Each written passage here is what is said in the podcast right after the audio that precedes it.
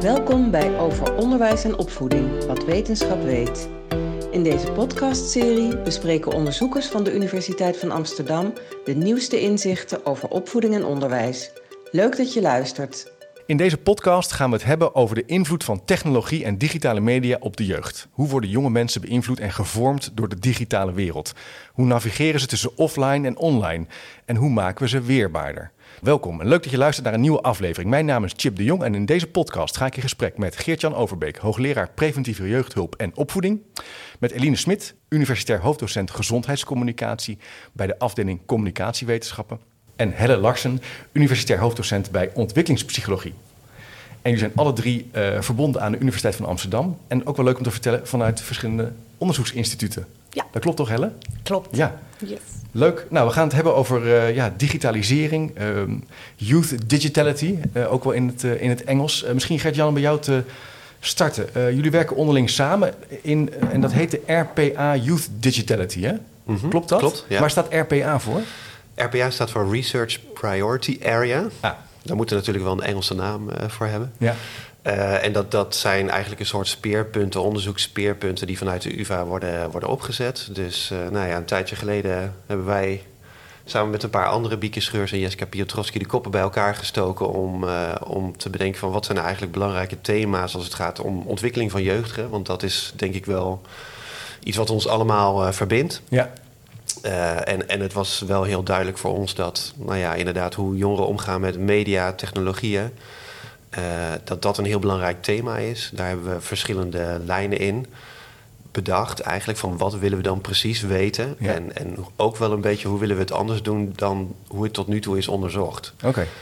En kan je iets over hoe wordt het dan tot nu toe onderzocht? Wat, wat, wat is het contrast misschien? Nou, er is natuurlijk de afgelopen decennia best wel veel aandacht geweest voor het thema jeugd en media. Uh, maar wat je, wat je veel ziet, en dat was voor ons wel een beetje een, een, soort van kritisch startpunt, is dat er heel vaak uh, onderzoek wordt gedaan naar alle jongeren en het effect van media op alle jongeren. Terwijl dat eigenlijk heel moeilijk zo vast te stellen is. Want Ja. jongeren gebruiken media op allerlei verschillende manieren. Ja. Daar zou je eigenlijk al rekening mee moeten houden. Hè. Sommige jongeren die, uh, die zitten bijvoorbeeld heel veel op de socials.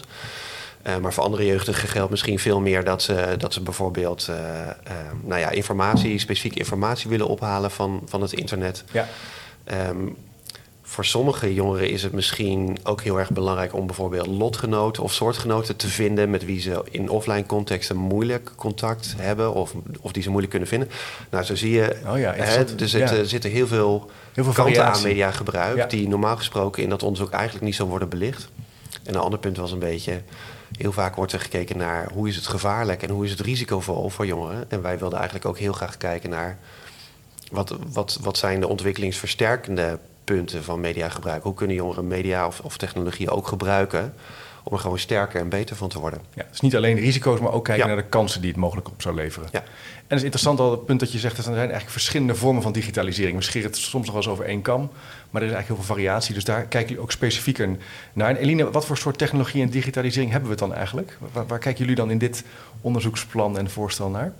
Nou, ik denk dat je eigenlijk kunt zeggen waarover niet. Eh, want nou ja, we kunnen denken aan mobiele telefoons waar eh, jongeren steeds jonger mee in aanraking komen. Eh, ik denk, eh, we hebben allemaal kinderen hier. Het jonge kind dat al kan swipen, kennen we allemaal. Ja. En nou ja, zo gaat het ook verder als kinderen ouder worden. Dus op het kinderdagverblijf worden ze in- en uitgecheckt met een iPad. Dus die zien ze ook elke dag. Dat gaat door met de BSO. En vervolgens krijgen kinderen op de basisschool al les in taal en rekenen, gebruik maken van een laptop. Ja. Ja, en dan zijn er natuurlijk alle door technologie gemedieerde sociale media, waar Geert-Jan net, net eh, ook al even over had. Ja, dus uh, p- überhaupt het punt dat je dus als jongere constant ziet dat ook volwassenen digitale middelen gebruiken. Dat is ook wel iets wat, heb ik eigenlijk ook nooit bij gerealiseerd, dat dat ook wel impact heeft op hoe je kijkt naar digitalisering. Ja, ja zeker. Ja, ja, ja, ja. Dus mijn kinderen bijvoorbeeld spelen ook wel online games met andere kinderen. Dan zitten in de online wereld samen te werken, dingen te doen.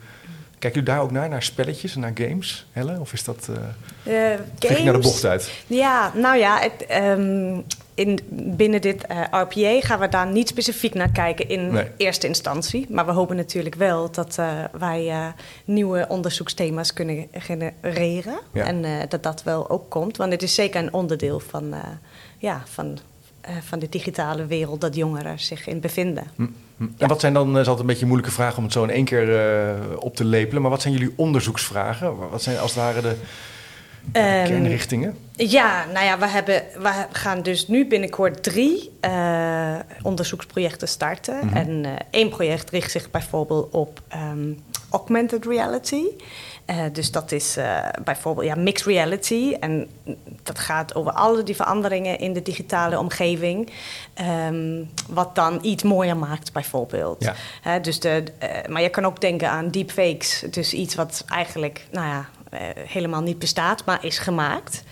Ehm, en wat doet dat dan met, met vertrouwen onder jongeren? Wat Ja. doet het met vertrouwen aan elkaar, maar ook wel het systeem, organisaties, nieuws? Ehm, dat is één project eh, Ja. waar wij eh, mee aan de slag gaan. Ja. Interessant dus deepfakes, maar ook hoe de realiteit eigenlijk langzaam door digitalisering wordt beïnvloed. Ja, dus eigenlijk augmented reality betekent verrijkte eh, realiteit, Ja. letterlijk. Ja. Dus het is verrijkt. En eh, op, ja, op verschillende manieren. Dat kan eh, uiterlijk zijn, eh, maar het kan ook eh, ja, dat er ineens boom is.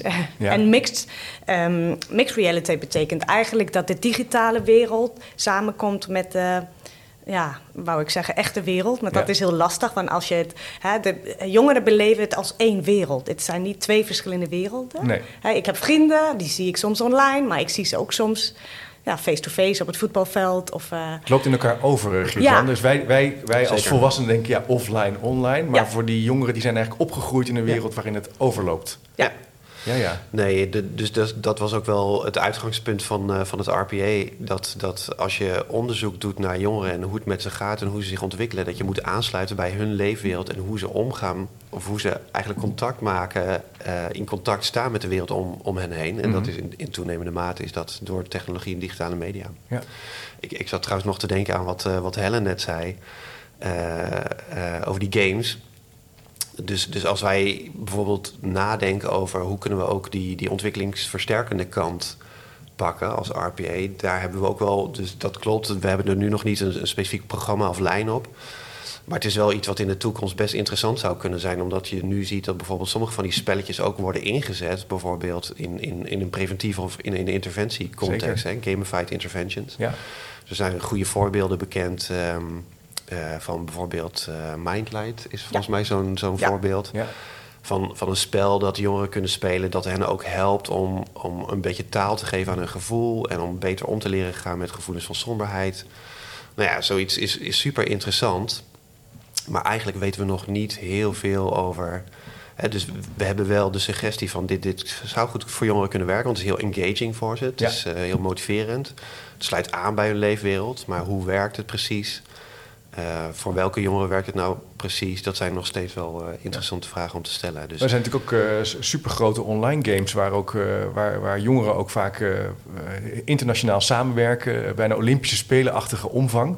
ja, en waar, toch, waar, je, waar je weinig niet kan, niet kan blijven volhouden dat ze daar niks leren. Want daar gebeurt natuurlijk van alles. ja, Er zijn zelfs bedrijven die mensen aannemen die heel goed bijvoorbeeld samenwerkingsvaardigheden laten zien. En dan zeggen ze, nou, kom maar bij ons werken, want je kan zo goed een team coördineren. ja, je hoeft geen master meer te doen. ja.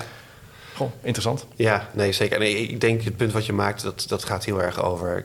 Weet je, niet alleen maar kijken naar de risico's... maar ook de vaardigheden, specifieke nieuwe Ja. vaardigheden... Of, of kennis die je ontwikkelt als je ze in zo'n context eh, begeeft. En ik, ik denk vanuit de pedagogische hoek... dat is zeker anders, denk ik, vanuit de communicatie... wetenschappelijke hoek, psychologie, weet ik niet zo... maar ik denk pedagogen hebben vrij lang zich toch georiënteerd... op die, zeg maar, traditionele offline contexten van het gezin, van de peer group. Maar ja, dan in toenemende mate is, de- is dat contact ook steeds meer online eigenlijk. Ja, interessant. En Eline, waar, waar richt jij je dan op eh, vanuit jouw onderzoeksfocus? Wat, wat zijn dingen waar jij naar gaat kijken? Ja, nou ja, wat we eh, binnen de communicatiewetenschap steeds meer onderzoeken is hoe die sociale media nou een rol spelen eh, in het leven van kinderen. En nou ja, even aanhakend op wat Helen net zei over die deepfakes, wat we bijvoorbeeld onderzoeken in een eh, pandemic preparedness consortium, is hoe mensen nou praten op sociale media over eh, of corona-gerelateerde informatie eh, echt is, of dat het eigenlijk fake news is. En wat heeft dat voor consequenties als men de conclusie trekt, nou dit is eigenlijk disinformatie ehm, die verspreid wordt via sociale media. Gaan ze dat medium dan meer volgen of minder volgen? Gaan ze erover praten met hun eh, vrienden of Oh ja. familie of niet? Ehm, ja, en zo kijken we ook eh, in een onderzoek, on- ander onderzoek bijvoorbeeld naar in hoeverre blootstelling aan ongezonde voedselcontent op sociale media de perceptie van jongvolwassenen beïnvloedt van wat normaal is. Dus als ze bijvoorbeeld meer ongezond voedsel zien in de filmpjes die ze kijken op YouTube, denken ze dan ook dat het normaler is om ongezond uh, te eten dan wanneer ze minder van dat soort filmpjes uh, tegenkomen. Waarbij die filmpjes kunnen worden gemaakt door hun vrienden, maar ook door advertenties gepusht kunnen worden uh, door commerciële partijen. Influencers? influencers, zeker ook. Um, ja, en dan ja, wat we binnen dit RPA Youth Digitality precies willen gaan onderzoeken rondom die sociale media is ook van in hoeverre um, ja, kan dat nou ook een manier zijn om informatie te uh, verspreiden voor jongeren die angst en depressieve symptomen vertonen. Uh, dus in hoeverre gaan zij op sociale media op zoek naar informatie die hun kan helpen om om te gaan met hun angst en depressieve symptomen. En in hoeverre ja, kunnen oh, ja. online korte filmpjes zeg maar, in die informatiebehoefte voorzien. Ze helpen, ja, want ik, het is wel bekend natuurlijk dat als je meer filmpjes kijkt over hardlopen, dan krijg je meer filmpjes over hardlopen. Ja. Zou dan interessant kunnen zijn, zou, zou je op deze manier ook kunnen kijken in het ondersteunen van jongeren die bijvoorbeeld kwetsbaar zijn of vraagstukken ja. hebben? Ja, zeker. Ja, ja. En, en de vraag is dan ook, krijgen ze dan steeds meer informatie te zien die behulpzaam is? Ja. Of is er ook in dit geval uh, sprake van uh, misinformatie, disinformatie? Ja, en, en, en kan het zelfs averechts werken? Ja, heb je daar al een hypothese bij of een gedachte bij? Of is dat nog vrij open? Nou, dat is heel open, omdat we eigenlijk denken nu dat het echt risico's met zich mee kan brengen van bijvoorbeeld uh, mis- en disinformatie. Maar aan de andere kant ook heel veel voordelen met zich mee kan brengen. Want ja, jongeren ervaren barrières om uh, ja, hulp te zoeken bij hun uh, mentale gezondheidsproblemen. En dit kan juist wel een heel laagdrempelige hm. manier zijn om hm. goede informatie wel tot hun te ja, laten komen. Dus het is een kans, en een, maar ook een bedreiging. Dus ja. het is ook weer een delicate dus dat, balans zoeken. Mm, ja, sluit ook aan bij wat Geert-Jan eerder al zei. Hè? Ah. En Helle, hoe betrekken jullie nou uh, ja, stakeholders hierbij? Jongeren zelf of misschien mm -hmm. ouders? Of, uh, ja. Hoe doen jullie dat in dit onderzoek? Mm, nou ja, um, wat we in eerder onderzoek uh, ook hier net voor de zomer hebben gedaan... is dus bijvoorbeeld naar scholen gaan en dan focusgroepen daar houden. En wat is een focusgroep dan? Een focusgroep is... Um, nou, in dit geval, dat we, we hebben acht jongeren uh, bij elkaar gebracht. Uh, wij scheiden dan wel jongens en meisjes, omdat we ook wel zien dat de processen en de manier waarop ze uh, sociale media en nou ja, smartphone, dat is de focus van dit onderzoek, de manier waarop ze dat dan ja, dat gebruiken, dat verschilt. Oh ja? ja, we zien vaak bij jongens gebruiken ook wel sociale media, maar ook wel veel gamen. En bij meisjes is het ook wel vooral. Um, ja, sociale media. Maar goed, we gaan met zijn gesprek. Ja. Want wij zijn, net, ja, wat Geert-Jan in het begin zei... heel erg benieuwd naar hun beleveringswereld. En het gaat hard. Um, dus we moeten ook steeds... Ja, we hebben onderzoek die dan vijf jaar geleden gepubliceerd werd en nieuw was. Dat is nu eigenlijk, of dat kan achterhaald zijn. Ja. Uh, nou, er komen nieuwe apps, nieuwe ja, het gaat mega manieren. Snel. Ja, het gaat heel snel. En dat betekent dus ook dat wij moeten steeds in gesprek uh, ja, gaan met jongeren zelf. En Kun je het bijhouden dan? Nou ja, ik, als onderzoeker. nou, het is wel lastig Ja, hoor. Maar ja. je kan elke maandag, zeg maar, kan je dan uh, um, nou, bekijken wat zijn er voor nieuwe uh, onderzoeksresultaten. Ja. Daar zijn altijd wel uh, ja, nieuwe dingen gekomen. Moet je heel goed ook kijken naar de kwaliteit natuurlijk. En nou ja, Interessant. wat, wat voor vragen ze hebben. Maar en in, in, de, in de nieuwe project binnen de RPA gaan wij dus, um, nou ja, gaan wij jongeren natuurlijk betrekken door vragenlijstonderzoek, maar gaan we ook wel interviews houden met ze. Hm. Um, en dat gaat dan specifiek over de augmented reality en mixed reality. Maar in dit andere project met, nou ja, net buiten dit RPA, maar wel in, ja, binnen hetzelfde onderwerp gaat het dan meer om... willen ze überhaupt help om ja. bijvoorbeeld smartphonegebruik te reguleren? Wat, Ja. Hoe ervaren ze dat? Of denken ze nou, ik vind het heerlijk. Ja, want uh, Ja. ja. ouders hebben daar mening over. Ja. Docenten hebben daar mening over. En dan is het ook wel heel belangrijk om jongeren zelf te vragen... Ja, hoe ervaren Ja, hoe jullie ervaren het? ze dat? Ja. Kan je daar iets over zeggen, Geert-Jan? Hoe er- ervaren jongeren hun, digitaal gebruik en die wereld tussen offline en online? Ik, ik denk dat het klopt wat je zegt. Ik denk dat heel veel jongeren er heel veel eh, plezier van hebben. Waar volwassenen misschien nog wel eens de neiging hebben om de nadruk te leggen op eh, wat het kost of, of, of, of wat de Ja. risico's zijn. Ja. Ik denk dat voor heel veel jongeren een belangrijk onderdeel is van hun identiteit. Een manier om in contact te staan met leeftijdsgenoten. Ja. Ehm, eh, een, een platform waarop ze heel veel kunnen leren. Ja. Maar jongeren geven zelf vaak ook wel aan dat, dat, dat ze zich bewust zijn van bepaalde dingen die moeilijker aan zijn. Dat het soms moeilijk is om los te koppelen, om uit te staan. We hebben het wel eens over FOMO in dat verband, fear of missing out. Ja. Als er heel veel gebeurt online en, en je weet dat je leeftijdsgenoten daar zijn, is het ook best wel eens moeilijk om je eh, terug te trekken. Dus, dus veel jongeren geven ook wel eens aan eh, dat, dat ze al wat hoger zitten op, op eh, zeg maar een schaal van ja, die gaat richting wat excessiever gebruik, echt lang online zijn. Mhm. Overigens, onze focus was nooit op eh, schermtijd. Daar is altijd heel veel aandacht voor geweest. Weet je wel, schermtijd. Ja. Hoeveel mag het op 12 jaar geleden, 13, 14 jaar geleden?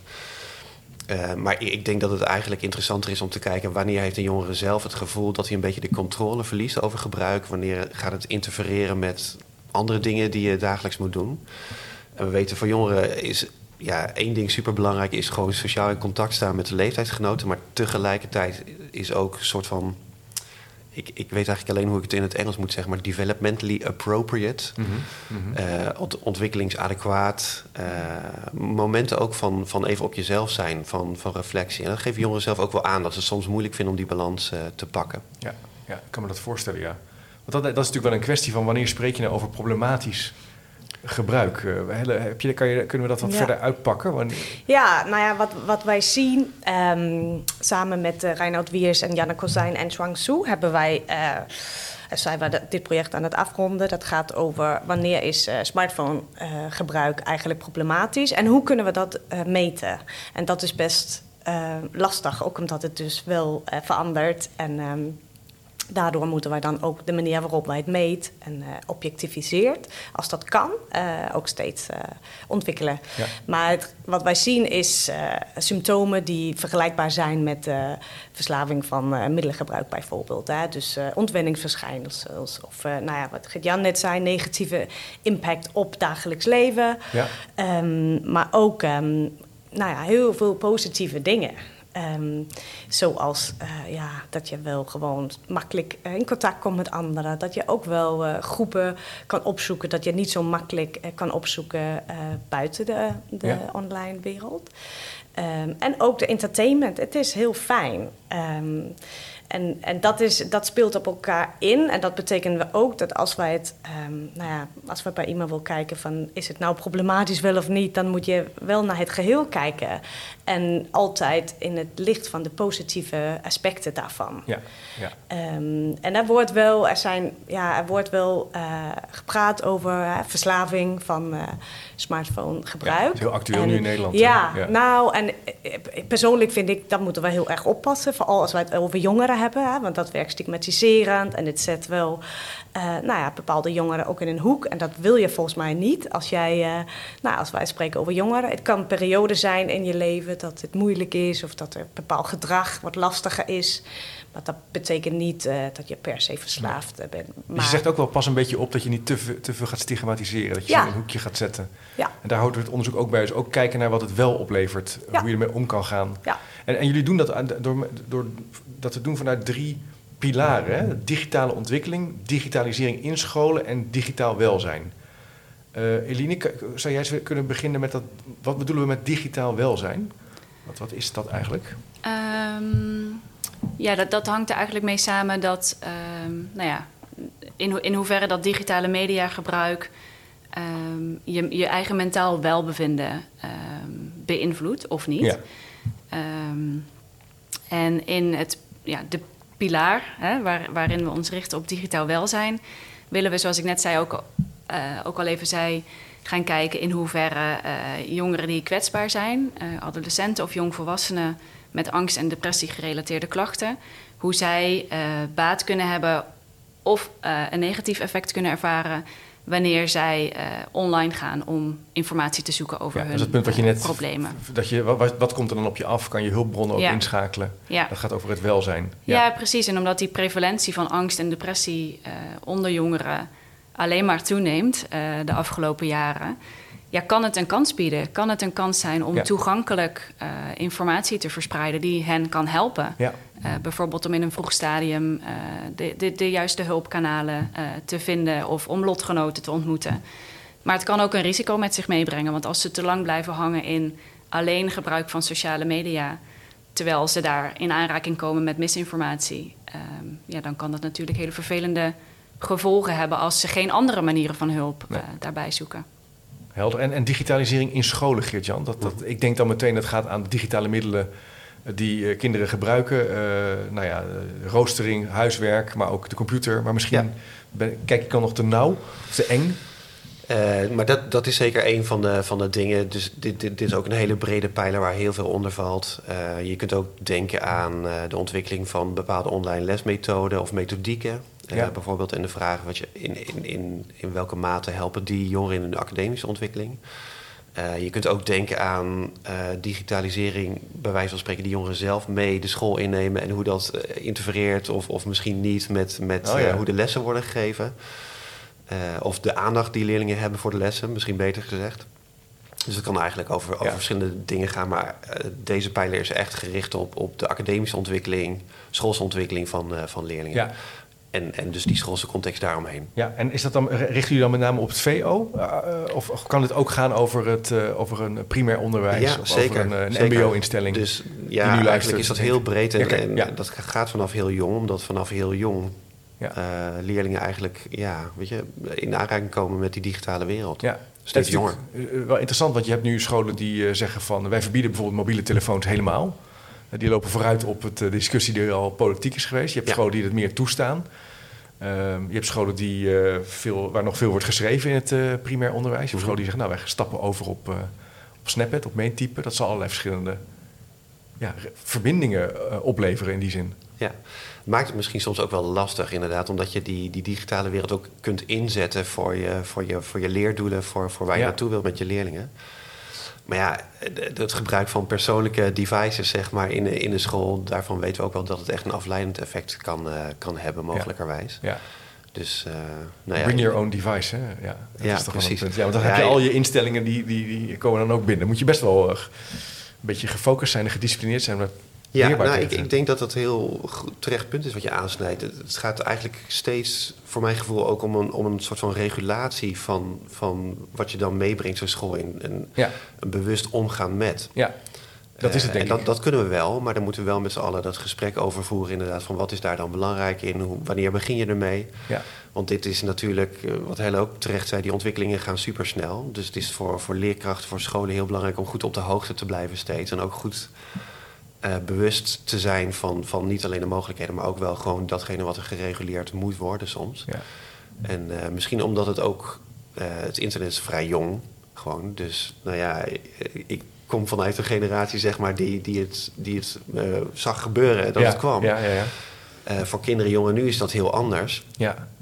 Um, maar het is, het is best wel iets waar we, waar we misschien iets meer dat gesprek over moeten voeren van, van hoe reguleren we, hoe wij daarmee omgaan. Ja. Uh, in het begin was het er gewoon en waren er heel veel mogelijkheden. Maar nu zie je soms dat die mogelijkheden zo, er zoveel zijn. Ja, dat dat gewoon ook tegelijkertijd wel eens een beetje de uitdaging is. Ook in de schoolse context. Denk ja, ik. ja, ja, en waar ja. begin je dan ook? Hè? Ja, ook, ik denk ja. dat het belangrijk is om ook niet de ouders in die context te vergeten. Hè? Dus Nee. dat het gaat, is echt een driehoek. Het, het, het is niet alleen de uh, nou ja, docenten of uh, scholen die daar. Het is ook wel in gesprek met uh, de jongeren zelf natuurlijk. Uh, en dan de ouders. Ja, ja. Dat is echt belangrijk. Ja, het gaat ook om in samen afspraken te maken. Of, Ja. uh, ja. Ja, dus de ouders erbij betrekken in die driehoek van, van relaties, zou je kunnen zeggen. En die derde pijler, digitale ontwikkeling. Ja. Gaat dat, eh, kan je iets wel meer over vertellen wat dat is? Ja. Ik kan het zelf wel, wel bedenken misschien, Ja. maar... Ja, nou ja, kijk, we weten, we weten sowieso weinig over de, ja, de impact dat de digitale omgeving heeft voor de ontwikkeling voor kinderen op allerlei, cognitief, eh, maar sociaal-emotioneel. En Ja. omdat, eh, wat Gert-Jan net zei, eh, de, het is nieuw, het is recent, dus die longi- longitudinale of op lange termijn Mhm. ehm, effecten, die, ja, dat, die moeten wij dus nog ontdekken. En het is ook heel complex om daar onderzoek naar te doen, omdat er zijn ja, grote individuele verschillen. Dus je, als je het hebt over groepsgemiddelde, dan eh, eh, werkt dat eigenlijk niet, omdat de patronen van gebruik eh, anders zijn voor, Ja, ja, ja. voor elke eh, eh, leerling of eh, ja, eh, jongeren. Dus dat is, ja, en dat is, dat is moeilijk onderzoekstechnisch. Ja. om dat te ja, achter te halen. Wanneer is, is dat dan wel positief of negatief? En wat doet dat met uh, bijvoorbeeld geduld? Of uh, we hoeven niet meer te wachten als wij naar de tandarts uh, bent. Daar kunnen wij kunnen jongeren de smartphone pakken, kunnen we allemaal. Wat doet dat dan als je dat doet van heel jongs af? En je kan het moeilijk vergelijken met nou, wat mij wel naar wat mij duidelijk wordt in dit gesprek ook, is dat ook eigenlijk uh, het doen van onderzoek ook radicaal moet worden vernieuwd. Of echt in een, in een versnelling komt om bij te blijven bij al die verschillende vormen van interactie, maar ook digitalisering. Ja, ja dus, dus wij zijn heel benieuwd naar die patronen, die ontwikkelingspatronen en, en, individuele verschillen. En daar hebben wij complexe methoden voor nodig. En gelukkig uh, zijn er ook genoeg uh, ontwikkelingen op een methodologisch vlak. Dus dat kun je er iets over zeggen? Wat is, zeg maar, wat is conceptueel gezien jullie kader? Een beetje grote vraag, maar wat, wat zijn jullie bouwblokken dan? En, en kun je wel iets zeggen over de methodiek? Want dat is dan ook wel interessant. Hm.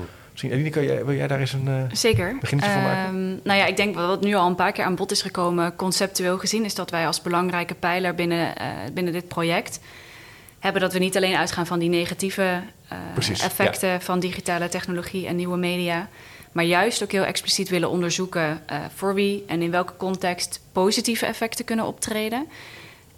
en nou ja, als we dan hebben over individuele factoren die daarop van invloed kunnen zijn, is bijvoorbeeld je persoonlijkheid, uh, maar ook in hoeverre je uh, zelfregulatievaardigheden hebt. Uh, in hoeverre ben je als jongere mindful um, of ben je veel meer, nou ja, wat Geert-Jan net al zei, impulsief of heb je hoge mate van fear of missing out.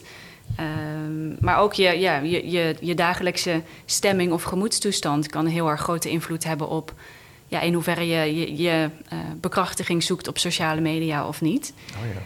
Uh, dan zijn er ook nog een hoop contextuele factoren. Uh, dus in bepaalde settings, nou, het schoolvoorbeeld wat we net al aanhaalden, daar zal op bepaalde scholen nu een, een, behoorlijke druk zijn vanuit de leerkracht om te disconnecten. terwijl er bijvoorbeeld ook bepaalde settings zijn waarin jongeren heel erg de druk voelen om juist wel online connectie te maken. Ja, en daarnaast heb je ook nog het, het, type apparaat wat iemand gebruikt. Hebben we het over een mobiele telefoon die wordt gebruikt na schooltijd om dat contact, contact met je klasgenootjes vast te houden? Of hebben we het over een laptop op school die een hele functionele um, ja. uh, reden heeft om daar te zijn? Um, ja, en als we het dan hebben over meer de aanpak en de methode, Helle zei al, dat het is heel complex.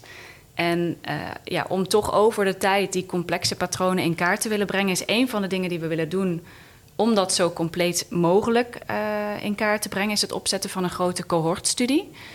Uh, waarin we een representatieve steekproef van meer dan uh, duizend jongeren tussen de 10 en 18 drie jaar lang willen gaan volgen. Zo. Um, ja, en het interessante hieraan is dat, um, on, on, onder andere interessant, is, is natuurlijk heel veel interessant aan, dat we voor sommige um, van die jongeren in kaart kunnen brengen hoe hun gebruik van digitale technologie en nieuwe media en nou, wat daar mogelijk mee samenhangt, hun fysiek en mentaal uh, welbevinden, verandert als ze die transitie maken van de basisschool naar de middelbare school. Uh, waar ze met heel andere lesmethoden in contact komen, maar ook heel andere sociale contacten wellicht krijgen. Sociale druk meer of ja. minder gaan ervaren. Ja. Uh, dus dat zijn, uh, is een van de dingen waar, uh, waar wij echt super benieuwd naar zijn. Ja, en dan ook drie jaar lang en zo'n grote groep. Hoe ga je, ja, heel praktisch, zo'n grote groep in hemelsnaam volgen? Via een app? dat is een beetje flauw. Hoe heb je daar ideeën al over? Dat blijkt best nog een challenge. Ja, zeker. Nee, maar we, we hebben er ook wel redelijk wat ervaring mee hoor. Ja, dus, okay, ja, is niet voor het eerst. nou ja, in de laatste jaren vinden we het wel steeds lastiger eigenlijk om jongeren via scholen te benaderen bereid te vinden. Ja. Uh, dus, dus daar hebben we in dit geval heel goed over nagedacht en een samenwerking gezocht met een bureau dat ons daarbij gaat helpen. Uh, en, en als het gaat om longitudinaal onderzoek en je wil een uitspraak kunnen doen over de ontwikkeling van jongeren over de tijd heen, dan is het heel erg belangrijk dat je ze vasthoudt, dat je ze ja, geïnteresseerd ja. houdt. Ja. Dus daar gaan we heel erg ons best voor doen op allerlei manieren. Maar uh, dat, is wel, dat, dat is zeker wel een belangrijk punt. Ik, toen, toen Eline zat te vertellen, toen bedacht ik me, ja, dat, dat, dat valt dan niet direct binnen, binnen onze cohortstudie. Maar hmm. we hadden het net voordat we de podcast begonnen over die onderzoeksaanvragen waar we ook mee bezig zijn. Uh, dus dat is een ander plan wat we hebben. Waarbij we ook heel veel jongeren, maar dan door heel Europa eigenlijk zouden willen benaderen om mee te doen aan onderzoek. En wat een heel interessante methodiek is nu, is dat het mogelijk is om jongeren gewoon te vragen: zou je je digitale data aan ons willen doneren?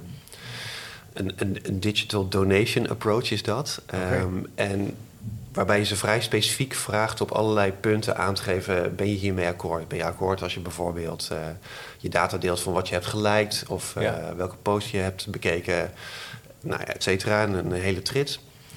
Nou, uiteindelijk zouden we heel graag uh, op basis van die gedon gedoneerde digitale data ook een soort van digital phenotypes uh, identificeren. Phenotypes moet je Ja, dan moet je denken aan een soort profielen, profielen of, of ja, clusters ja, Van, oh, van jongeren. Ja. Uh, in, in hoe ze bijvoorbeeld sociale, sociale media gebruiken, maar ook hoe het, hoe het met ze gaat in termen van hun geestelijke gezondheid, hoe fysiek actief ze zijn.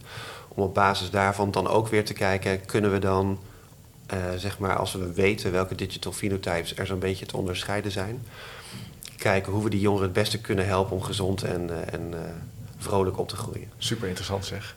Mooi om, om zo ook over langere tijd te volgen. Ik ben wel echt heel benieuwd wat daaruit gaat komen. Misschien nog een beetje aan het eind van de podcast gekomen. Een thema wat ik nog heel even wilde aansnijden is het thema, het thema we hebben het net even over gehad, resilience. Mm. Weerbaarheid opbouwen. Zijn er al nou hebben jullie nou al ideeën over hoe je jongeren daarbij kan helpen? Zeg maar, wat is het en hoe zou je ze kunnen helpen daarbij? Zijn er al eerste aanknopingspunten uit onderzoek waarin we dat terugzien?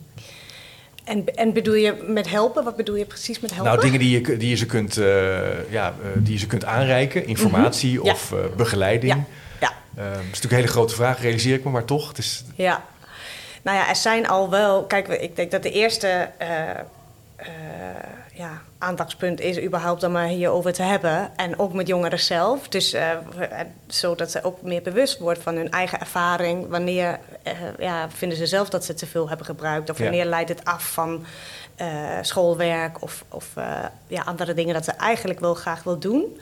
Want dat is wat wij vaak horen. Dat het, ja, ze, ze komen ook in die algoritmes terecht. En dan hebben ze toch te veel tijd gebruikt uh, dan ze eigenlijk wilden. En um, waardoor ze iets anders niet hebben gedaan. Of, nou ja, en daar, daar kan je een gesprek met ze over voeren.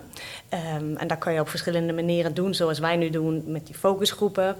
Uh, daar halen wij informatie van de jongeren. Maar we proberen ook iets terug te geven. Dus ja. we gaan ook naar scholen toe.